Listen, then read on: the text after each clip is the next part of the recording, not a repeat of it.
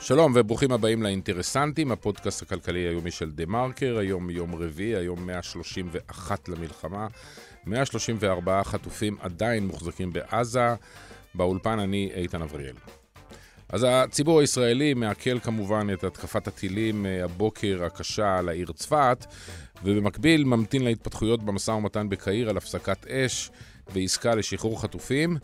ורבים בציבור מתקשים כמובן להבין את חוסר הנכונות של ראש הממשלה בנימין נתניהו לקדם עסקה אמריקאית סעודית שיכולה, כך נראה לפחות, להביא לשקט גם בדרום וגם בצפון. אלא שבמקביל למאמצים של נתניהו לדחות עסקאות מדיניות, צבא התומכים שלו ברשתות החברתיות ממשיך להפעיל במרץ את מכונת הרעל של הימין הקיצוני, ומה שמסתבר שהפעם האויבים והמטרות הם לא אחרים מאשר החטופים, ובעיקר בני משפחותיהם. אין ספק שצריך רוע לב יוצא דופן כדי לתקוף משפחות של חטופים במסגרת הגנה על בנימין נתניהו, אז uh, אנחנו ננסה לזהות מי הם התוקפים הללו, יחד עם הכתבת שלנו לענייני רשתות חברתיות, רפאלה גויכמן. בינתיים, בכלכלה נסגרה השבוע אחת מעסקאות הגדולות מעולם בסקטור העסקי. השליטה ברשת המרכולים והקמעונאות שופרסל נרכשה על ידי שלומי ויוסי אמיר, לפי שווי של קצת יותר מ-6 מיליארד שקלים, והם אה, שני אחים שהחלו את דרכם העסקית לפני 29 שנים עם רכישת מיני מרקט צנוע בקריית ביאליק, עוד כאשר הם היו חיילים. האחים אמיר אה, הינם אנשי קמעונאות, שרק לאחרונה מכרו את חברת פרש מרקט שהם אה, פיתחו לקבוצת פז בתמורה ל-2 מיליארד שקלים, והם אפילו נדרשו לשלם 100 מיליון שקלים כדי להיחלץ מסעיף אי-תחרות שעליו הם חתמו מול פז. אלא ששופרסל הגדולה היא לא חברה חסרת בעיות ואתגרים, וכדי לנסות להעריך כיצד היא תנוהל מעתה ואילו שינויים יראו הצרכנים, אנחנו נדבר עם פרשנית הקמעונאות שלנו, עדי דוברת. לבסוף, אחת הסיבות שבגינן ביטוח המכוניות בישראל כל כך יקר, היא הנטייה של חברות הביטוח בישראל להכריז על total loss, גם בפגיעות שניתנות לתיקון. לכן, רשות שוק ההון והביטוח זיהתה את ההזדמנות, ההזדמנות לקדם רעיון ותיק שמתגלגל אצלהם.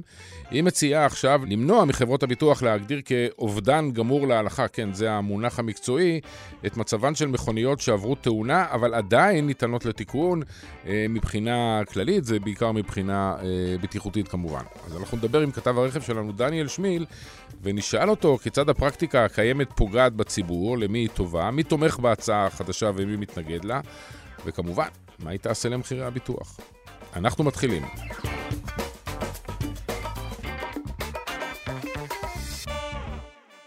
שלום לרפאלה גויכמן. שלום איתן. את יודעת, רוב המדינה כרגע דרוכה וממתינה לחדשות מקהיר בעיקר, ולמשא ומתן שאמור להתנהל בין אה, נציגי כל זרועות הביטחון והממשלה בישראל, לבין האמריקאים והקטרים והסעודים, וכמובן גם אה, נציגים של, אה, של חמאס לאיזושהי עסקה ש... לפחות בחזית, אה, בחזון האמריקאי, אחרי זה אמורה גם להפוך לאיזשהו הסדר מדיני כולל, ואולי נוכל סוף סוף גם לראות את החטופים חזרה וגם לחזור לחיים שלנו. אלא, ש, אלא שבמקביל לכל הדברים הללו, בצורה שלא יכולה שלא להביא את ג'ננה לגמרי, אה, לכל מי שמסתכל על זה. אתה רואה שברשתות החברתיות, וזה התחום שבו את עוסקת וחוקרת, אה, נמשכת אה, המתקפה על כל מי שקצת מגרד לבנימין נתניהו, ובאופן ספציפי, ב... שבועיים, שלושה האחרונים ובימים האחרונים, המטרה של המתקפה של אותה מכונת רעל, מה שזכה לשם כזה, הם, הם דווקא המשפחות של החטופים.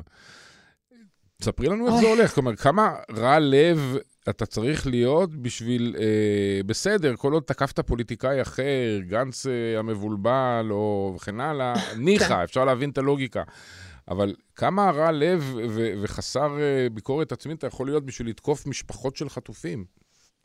אה, קודם כל, צריך uh, לשים לב, uh, מהסקירה שהעלינו uh, אתמול, אז כבר מתחילת הדרך אפשר היה לשים לב ש, שהממשלה לא, לא באמת יוצאת מגדרה כדי לסייע בהשבת החטופים. אמ, אלה דברים ש... זה מסר שדי הגיע מלמעלה, הוא, הוא חלחל לאורך הארבעה חודשים האלה, לא כל כך לאט, אפשר היה לשים לב שיש קמפיין כזה. יש קמפיין שנועד למסמס את סוגיית החטופים, בלמסמס אני מתכוונת להשתיק אותם, כל, שלא ירימו את הראש, כי, כל, כי הם, כשהם יוצאים לרחוב וכשהם מוחים, יש להם לגיטימציה לעומת כל מחאה אחרת, כי כן, חטפו להם את המשפחות, הם רוצים שיחזירו אותם, קול שלך תשתיק אותו והוא מחליש. אמ, את, אה, את ראש הממשלה בנימין נתניהו בפני הציבור. אז היה ניסיון כל הזמן לדחוק את הדיון הזה מבחינת הממשלה כמה שיותר אה, לצד, אבל ברשתות החברתיות אתה ראית בזמן הזה, ממש מתחילת המלחמה, פרופילים אנונימיים בעיקר, שכל הזמן תקפו, כל הזמן עקצו והפיצו רעל, ובאמת פוסטים שהיה מאוד קשה להיחשף אליהם. בהתחלה זה היה ממש באופן כוללני, לכל הקבוצה. החטופים, אה, לא צריך לדבר על זה, אה, לא צריך להפגין, כל הזמן ביקשו מהם לא לצאת להפגין. היה פה ממש מההתחלה התגייסות, מהכיוון של הממשלה והתומכים שלה, לצמצם כמה שיותר את האנשים האלה. כשהם ראו שככל שהמחאה שלהם התגברה, אחרי הסיבוב הראשון של אה, השבוע שהיה של העסקאות, שכל כן, כן. יום ראינו כמה חטופים חוזרים, הייתה ממש רגיעה. כאילו חשבו שזה יסתום לכולם את הפה, הנה החזירו אה, מעל 100 אנשים לישראל, תגידו תודה. הממשלה עשתה את שלה. ואז ברגע שהבנו ש, שהמטרה היא להמשיך את המלחמה הזאת ויהי מה, ו, ואם מתעסקים עכשיו בחטופים זה אומר לעצור את המלחמה, אז, אז מבחינת כל גורמי הממשלה, כל מי שהוא בעל אינטרס שהמ, אה, שהמלחמה הזאת תמשיך, פשוט עשה את זה דרך קמפיין ברשתות החברתיות. קמפיין מתועב, קמפיין מכוער שהתחיל בהתחלה בדיון מאוד כללי וככל שעבר הזמן ואנחנו קיבלנו כל מיני דמויות בולטות, זאת אומרת קרובי משפחה כמו גיל דיקמן שהוא מגיע לוועדות בכנסת והוא אה, נואם ב... אה, בהפגנות והוא מוביל את ה... אה, הוא בין מובילי המחאה של המשפחות, אתה רואה שהקמפיין התרכז לאנשים כמוהו, חן אביגדורי, שאשתו והבת שלו נחטפו. אז מה אומרים עליו? זאת אומרת, מה אפשר, איזה טענות אפשר לבוא למישהו שנותן את הנשמה ו...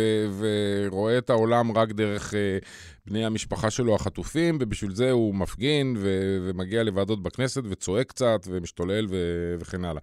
אפשר הרי כל כך להבין אותו, גם אם אתה... גם אם זה לא נוח לך אה, פוליטית. אה, אה אתה שואל שאלה שלכאורה אמורה להישמע הגיונית, אבל לא, במצב מה, אז... הלא הגיוני הזה... אוקיי. במצב הלא הגיוני הזה, גם אה, אנשים כמו חן אביגדורי וגיל דיקמן, הם מותקפים ברמה האישית. אתמול... ומה אה, אומרים עליהם? אני מדברת על טינוף ב, ב, ברמה המאוד אישית, אה, לכלוכים, אה, למשל פעיל הליכוד רן כרמי בוזגלו. שהוא פשוט תקף אותו בקללות, מילולית, כן? ברשתות החברתיות. אמ, בפייסבוק אה, פרסם פוסט שאני חייבת להגיד שאני פשוט לא מבינה את זה. הוא כתב למשל ככה, גיל דיקמן, הטיפוס עם הדיבור האלים, לא מפספס הזדמנות להתסיס ולהסית. בן אדם שבדודה שלו נמצאת כבר 130 יום בעזה, אז הוא, הוא טוען שהבן אדם מנצל את הטרגדיה שלו כדי להסית אה, נגד, אה, נגד הממשלה, אתה מבין? כן. זה, זה בלתי נתפס, זה, אבל, אבל זה, זה ממש טיפה, כן? מה שרן כרמי בוזגלו כותב, זה טיפה ב, בים מאוד עכור של אה, ירידות, קללות, רעלים מאוד uh, רציניים. ואם בהתחלה זה היה קמפיין אנונימי, אם בהתחלה זה הופץ על ידי חשבונות אנונימיים, עכשיו כבר אף אחד לא מתבייש, זה קמפיין שמובל גם על ידי תקשורת מיינסטרים. כמו ערוץ 14, אה, כמו רדיו גלי ישראל, המגישים שם לא מסתירים את הדעה שלהם שהם נגד עסקת חטופים. נגד עסקת חטופים במונחים של, של דיון אה, כללי, אני מבין, אבל אה, התקפות נגד אה, אישיות, נגד משפחות חטופים, זה, זה כבר יותר קשה להבין. ואני פשוט רוצה לשאול אותך, האם יש איזשהו פוליטיקאי מהליכוד, מהימין, שפנה לצורך העניין לתומכים שלהם ברשתות ו... ואמר להם, את זה תעשו ואת זה אל תעשו?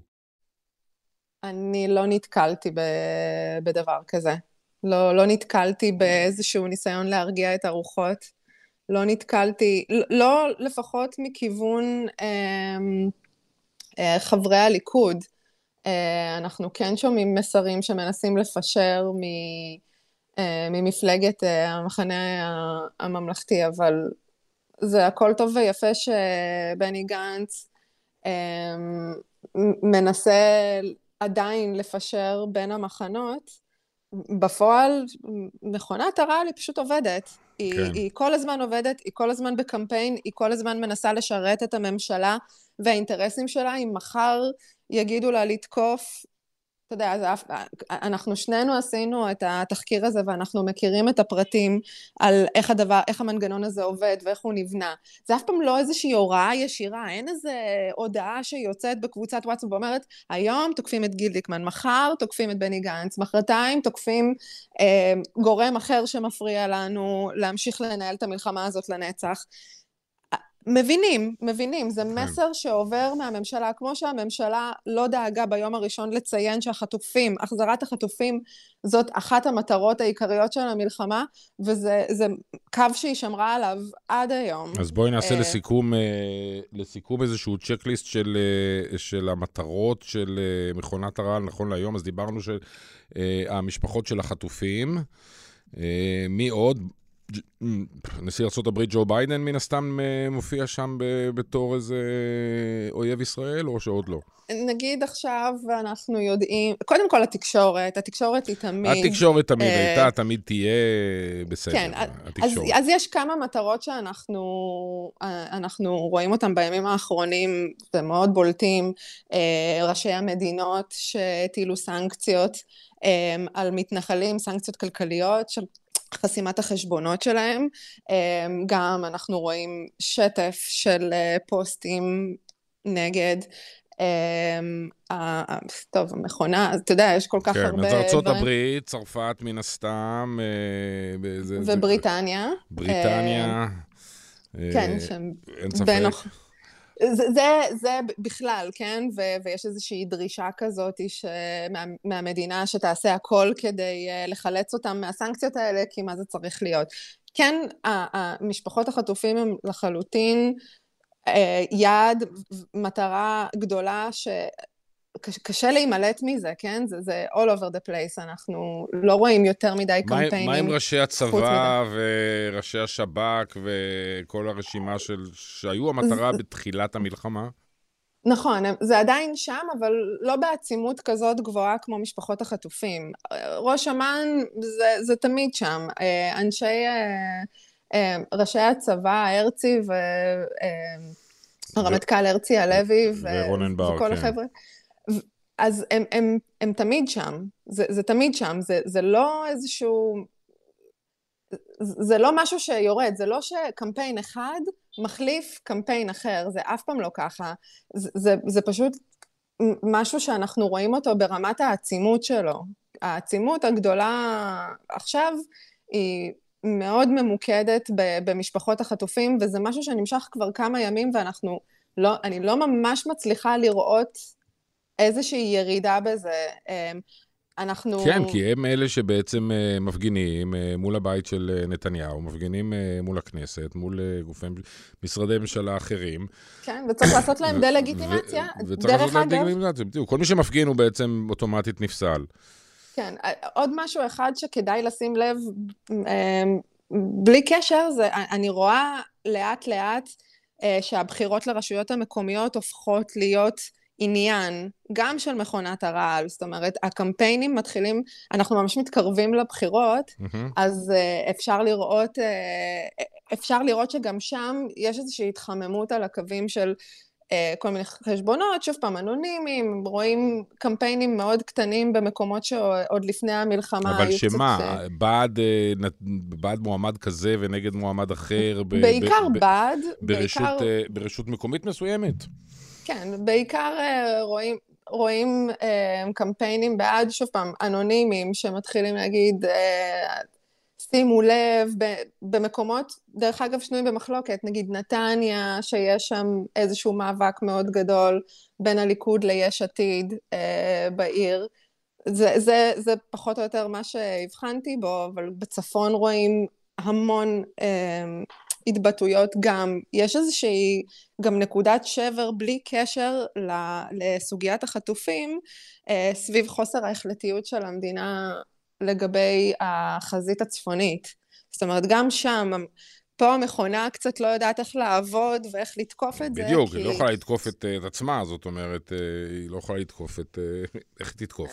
את ראש הממשלה, זה אמור להיות החלטה שלו, איך הוא אה, מטפל באתגרים בצפון. נכון, אבל זה, זה מה שיפה במכונה, שלא משנה מה, וגם כשקורים דברים שהם לרעת הציבור הזה, זאת אומרת בפריפריה, שדרות, אופקים, אה, שעדיין אה, יש להם המון ביקורת כלפי אה, ההתנהלות של הממשלה עם הערים האלה, סלאש מה שקורה בצפון, המון אה, מאות אלפים שמפונים מהבתים שלהם גם בערים ליכודיות, והם עדיין שומרים על... על הם, הם שומרים קצת על, ה, על איזשהו פרופיל נמוך, הם תוקפים כן. ממש ממש בקטנה, ועדיין מכונת הרעל תעבוד בשביל אה, לפגוע אה, במשפחות החטופים, למרות שהם בעצמם סובלים. כן, כי חלק גדול ממשפחות החטופים הם משפחות אה, מקיבוצים או מ... אה, לא רוצה להגיד את זה, אבל אפשר להגיד את זה בסופו של דבר, כנראה אשכנזיות ולא מזוהות ציבור, עם... כן, עם, בדיוק. ציבור שלא מזוהה עם, עם תומכי הליכוד או עם uh, מעריצי נתניהו. ניסיתי ללכת מסביב, לא להגיד כן, את זה. כן, אנחנו הולכים מסביב, אבל כולם מביאים את מה שאנחנו אומרים, אין מה לעשות. רפאלה גרויכמן, תמשיכי לעקוב אחרינו עבור uh, הדברים הללו, ואם מישהו מטפס לאחר, חוץ ממשפחות החטופים, מטפס לראש uh, טבלת יעדי ההתקפה של מכונת הרעל, אז תרימי לנו דגל כדי שנדע uh, לפחות מי, מי, מי בא, מי מחפש אותנו. מי נגד מי, כן. תודה רבה, איתן. תודה רבה.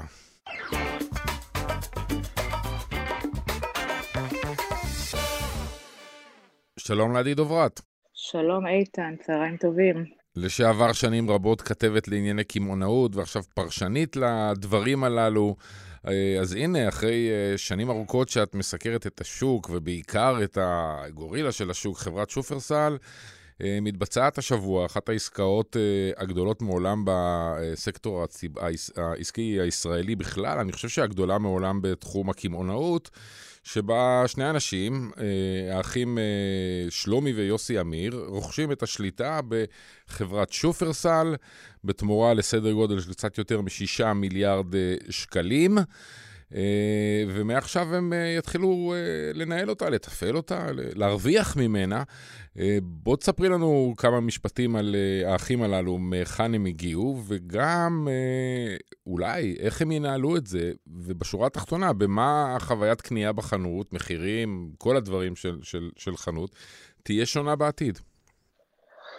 נתחיל מזה ש, שהעסקה עוד לא הושלמה, כלומר, זה נכון שכרגע באמת אה, המוסדיים, זאת חברה ללא גרעין שליטה, שופרסל, החליטו אה, למכור להם את, ה, את השליטה בחברה, שזה 25 אחוז, אבל כל, אתה יודע, כל עוד זה לא נגמר זה לא נגמר, אבל בהחלט נראה ש, שלשם הסיפור הזה הולך. האחים שלומי ויוסי אמיר הם הבעלים של פרש מרקט לשעבר, הם ייסדו את החברה, הם קנו עם הזמן עוד ועוד אה, רשתות מזון וסופרים, והם עשו את עסקת חייהם באמת, שהייתה עסקה שאני חושבת הכי מטורפת אה, מבחינת סכום ששולם אה, בענף על רשת מזון, כשפז קנתה את פרש מרקט לפי שווי של 2.1 מיליארד שקל, ובעצם הם הפכו למיליארדרים, כן? ואז אז אלה האחים אה, בעצם אמיר, הם, אה, הם אנשים אה, דומיננטיים, שלומי הוא זה שידוע כמי שמנהל את הסחר ואת כל הקשר עם הספקים ואת הרשת ביומיום, יוסי הוא, הוא אמון על הכספים היה תמיד, ובאמת יכלו להישאר בבית ולא לעשות כלום, כסף לא חסר להם. אבל יש להם כבר חלום אה, אה, של כמה שנים לרכוש את שופרסל, שהיא הקמעונאית הגדולה ביותר בישראל, בתחום המזון ובכלל.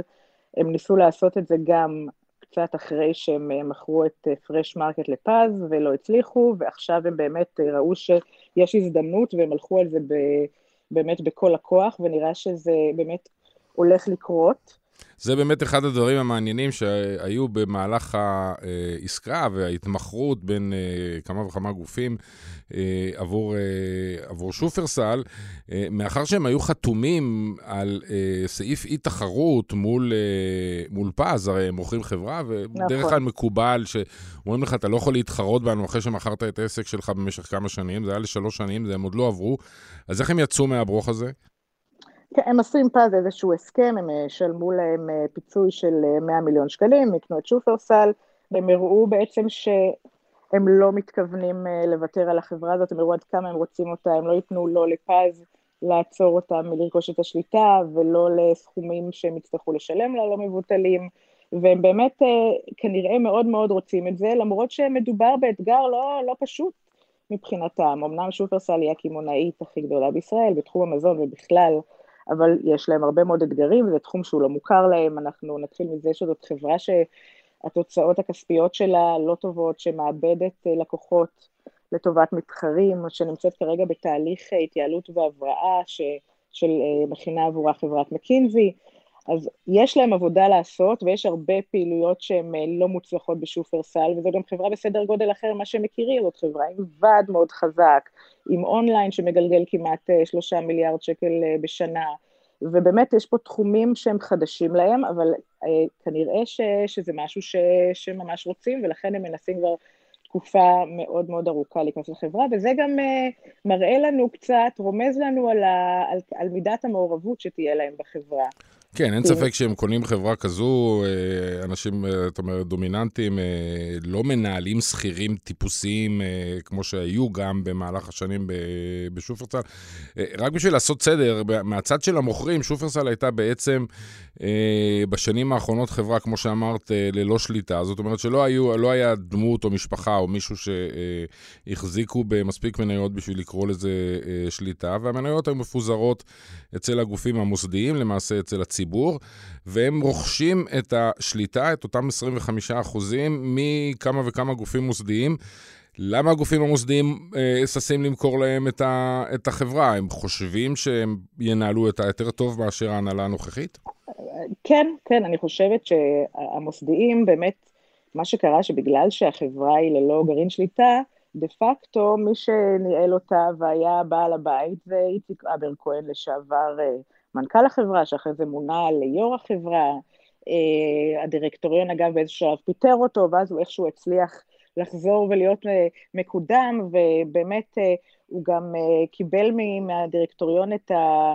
את השליטה דה פקטו בחברה כשהם אישרו את רשימת המועמדים שלו לדירקטוריון, ובקיץ של 2023 הם עוד פעם אישרו את הרכב הדירקטוריון שהוא נשלט על ידיו, וגם הוא חבר בו, ובאמת כנראה שהמינוי הזה מראה שהם שינו את דעתם, שאין להם, שהם חושבים שמישהו אחר יכול לנהל את החברה יותר טוב, שהם חושבים שהאחים אמיר יעשו לה תוצאות יותר טובות, יעשו את המהלכים שהחברה הזאת צריכה לעשות, הן מבחינת התייעלות, יציאה מתחומים ש, שאבר כהן נכנס אליהם ו, ולא הראו פרי עד עכשיו בעצם, והם כנראה מצפים גם מהאחים אמיר להיות מעורבים בניהול החברה. כן, אז בואי ננסה לנחש, להמר אפילו במידה מסוימת, אה, מה האחים אמיר יעשו על סמך ההיסטוריה שלהם. אה, הם בעצם, אה, כמו רבים בשוק הקמעונאות, התמחו, בואו נקרא לזה, בניהול הדוק, יעיל, מחירים, מלחמה על מחירים נמוכים, בעוד ששופרסל ניהלה את זה יותר כמו איזה תאגיד גדול, דווקא במחירים הגבוהים והבינוניים. את חושבת שהם ייקחו את סופרסל לתחרות יותר עזה מול, אה, מול נגיד רמי לוי ו- ושחקני המחיר, או שהם יעשו משהו אחר? אז מצד אחד אפשר להגיד, זאת חברה שהיא מגיעה באמת מהרשת הרביעית, מה, מהקבוצה הזאת של השחקני מחיר, היו להם הרבה פעמים אה, סכסוכים עם ספקים שלא הסכימו לתת להם הנחה מסוימת, אז הם הוציאו אותם מהמדפים, כל מיני דברים שהם לא יוכלו כבר לעשות עכשיו. אז אפשר להגיד באמת מצד אחד לחשוב שאולי באמת ייקחו את שופרסל להיות תחרותית יותר, כי שופרסל יש לה מיצוב גבוה שגם פוגע באמת במכירות שלה למטר מרובע.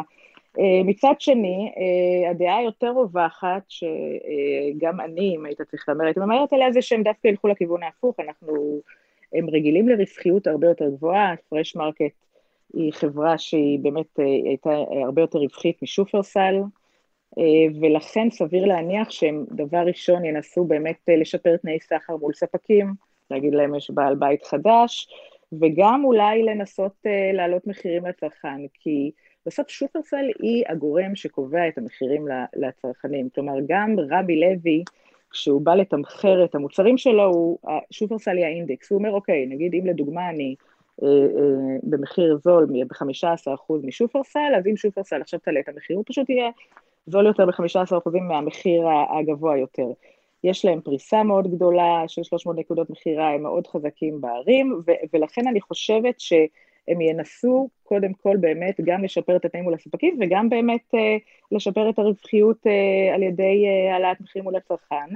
כמובן שהדבר היחידי שיכול למנוע את זה, זה אם הם יראו שהם מאבדים אה, לקוחות עקב כך, ומאבדים מכירות, ואז יצטרכו לעשות אה, איזשהו חישוב מסלול מחדש, אבל זאת הערכה שלי. ו- וזה יבוא עם איזשהו שיפור אה, או שינוי בחוויית הקנייה במידה מסוימת? אה, תמיד מדברים בישראל, גם לגבי שופרסל דיברו בעבר, על חיבורים עם אה, רשתות בינלאומיות, איזשהו משהו אחר שעוד לא ראינו בארץ. אם כבר אתה הולך יותר גבוה, יותר יקר, אתה צריך לספק גם, גם, גם עוד משהו. אני חושבת שזה עוד מוקדם מדי לדעת uh, מה היו השינויים בחוויית הקנייה, לא בטוחה שהאחים ואמיר יודעים את זה בכלל בעצמם, יצטרכו להיכנס לחברה, לחברה, ויש שם המון תחומים שהם לא, שהם לא מכירים, המון, אה, אתה יודע, יש שם, אה, שופרסל זה נדל"ן, שופרסל היא כרטיסי אשראי, נכון. היא קמעונאות, פאר, רשת סופר, רשת פארם, כן. באמת, אין, אין, אין תחום כמעט שהם לא חולשים עליו.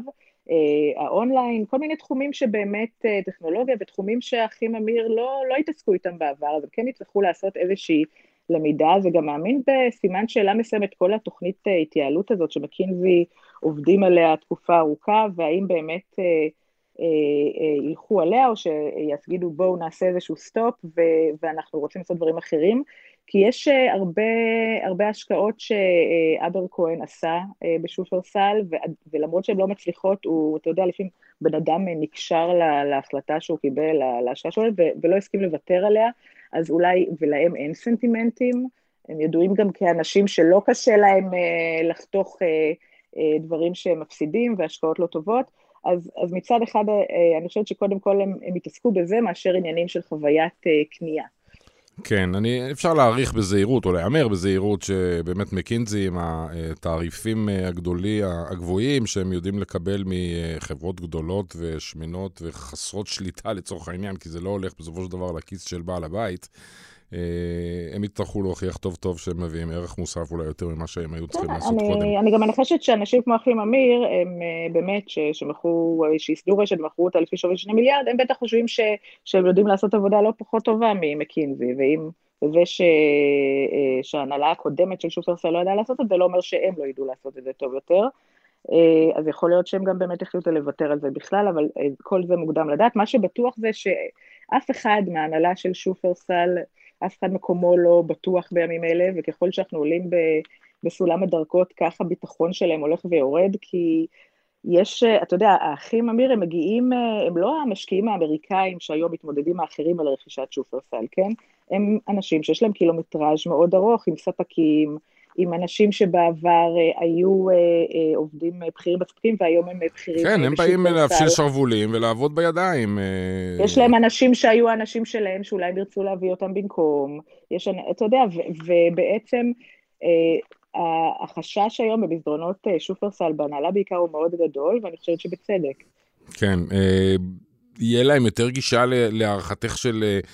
מכירת עסקים שהם מכירים פחות או שלא רווחיים, או רווחיים פחות, או, או יותר כיוון של אה, אולי רכישה ומיזוגים והקטנת תחרות. זאת אומרת, אתה שואל את עצמך, מה, מה האחים אמיר יעשו נניח עם אה, רשת הפארם אה, שזה פרויקט גדול של שופרסל מהשנים האחרונות, שעוד לא רווחי כמדומני, תקני אותי אם אני, אני לא מדייק.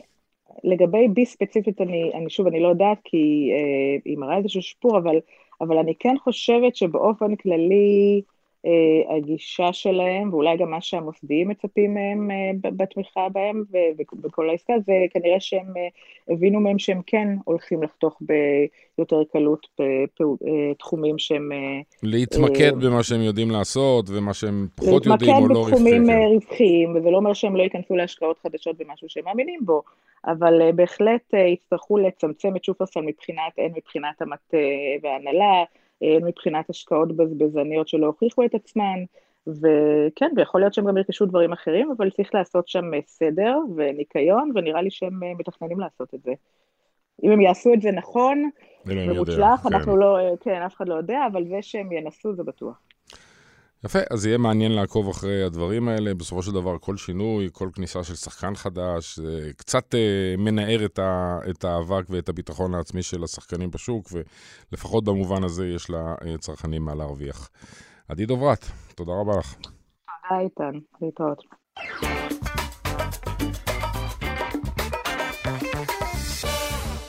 שלום לדניאל שמיל. שלום איתן. אתה יודע, אה, יש לאשתי רכב אה, ישן, מיני מיינור בת 15 אה, שנה, אני לא, לא מתבייש mm-hmm. לספר את הסיפור הזה. וכל פעם שיש איזושהי דפיקה קטנה בפגוש, ואני לא מגזים, איזושהי דפיקה של פנס ופגוש, חברת הביטוח מודיעה שהאוטו הלך פייפן וזה total loss.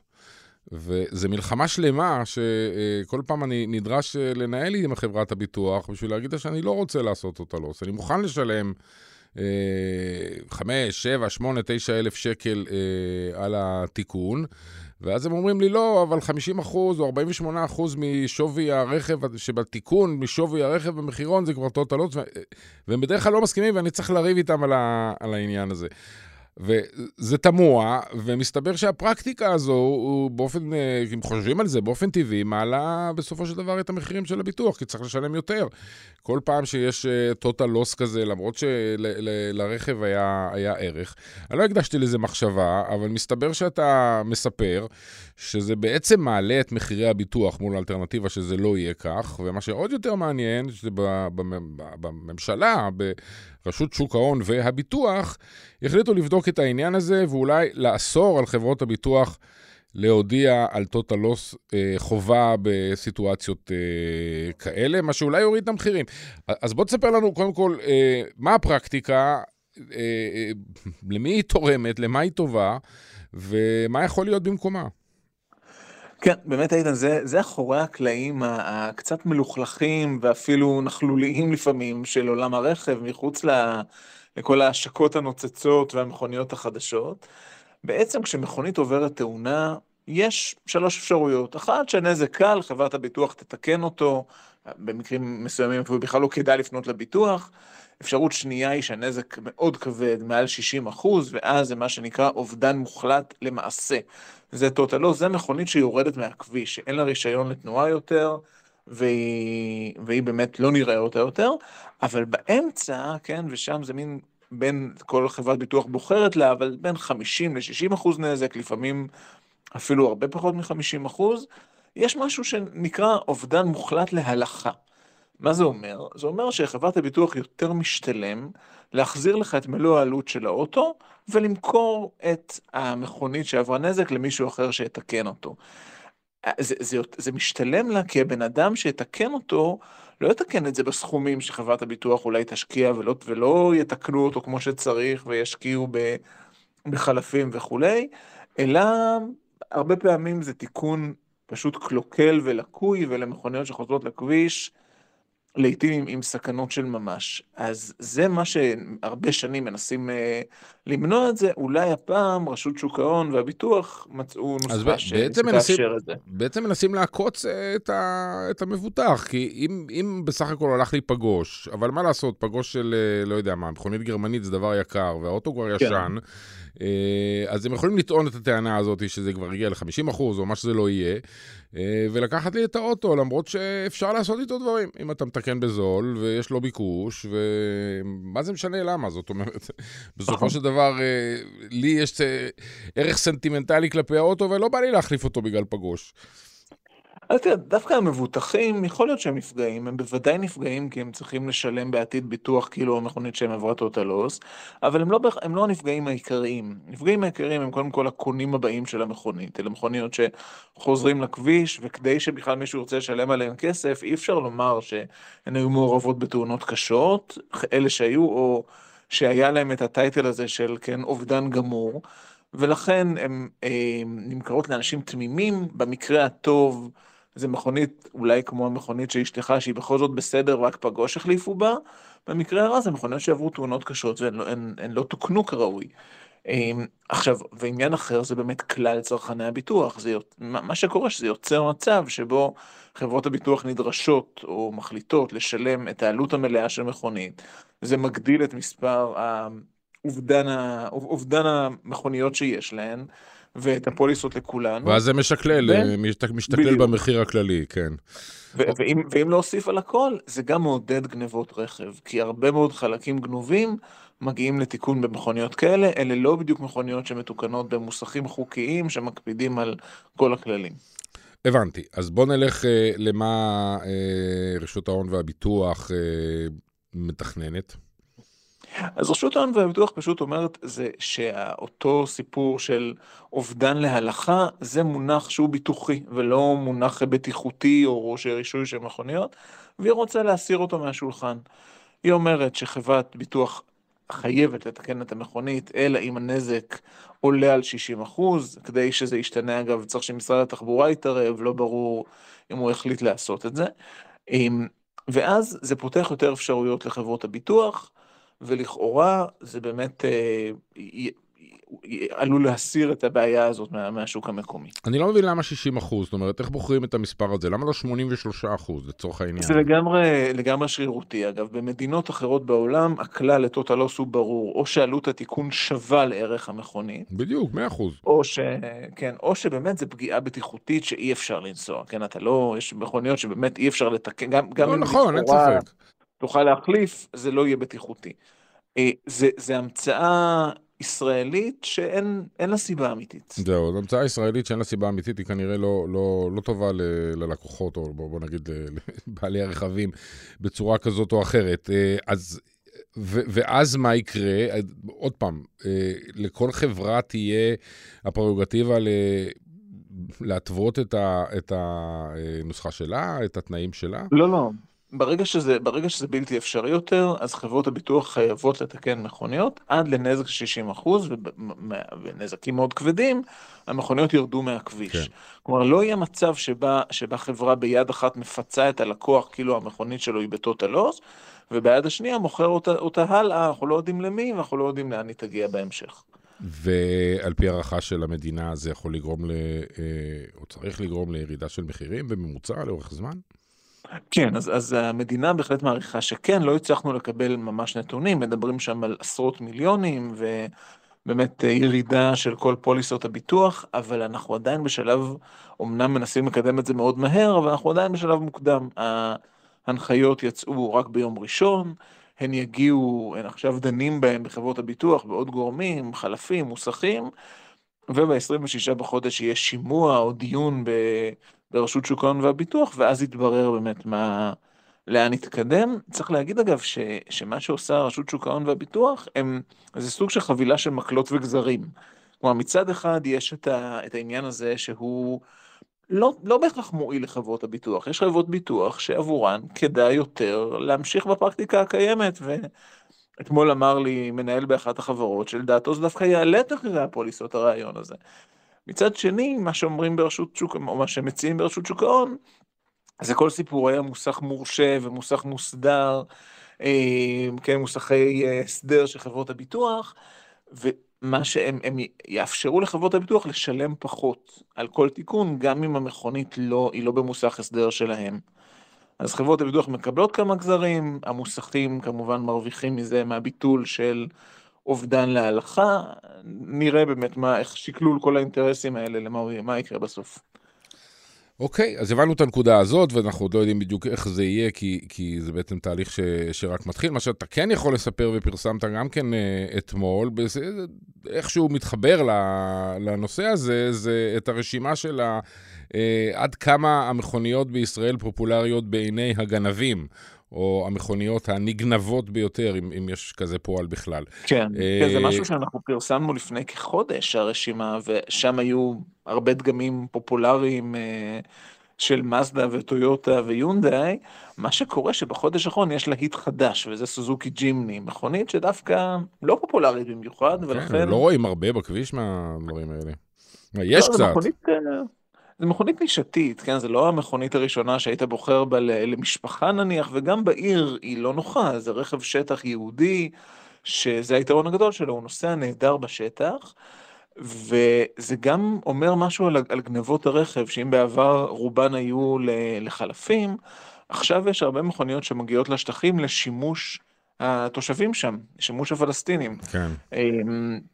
אתה בעצם, אתה בעצם אומר, אה, יש ביקוש לטויוטה, עם, עם כל הבעיות ש, ו, ו, שיש עם זה, אבל יש ביקוש לטויוטה היילקס, כי הוא רכב בלתי שביר שאפשר אה, לעשות איתו הכל ולנסוע איתו בכל מקום, ויש גם ביקוש לג'יפים אחרים. יש ביקוש לג'יפים אחרים, אה, כן, אחד הדברים שאמרו לנו, שבאמת זו מכונית שעוברת ב... כמעט בכל מקום, וכך משתמשים בה בשביל ממש לעקוף פקקים בכל מיני אה, דרכים חוליות במקומות שונים כן. ברחבי יהודה ושומרון.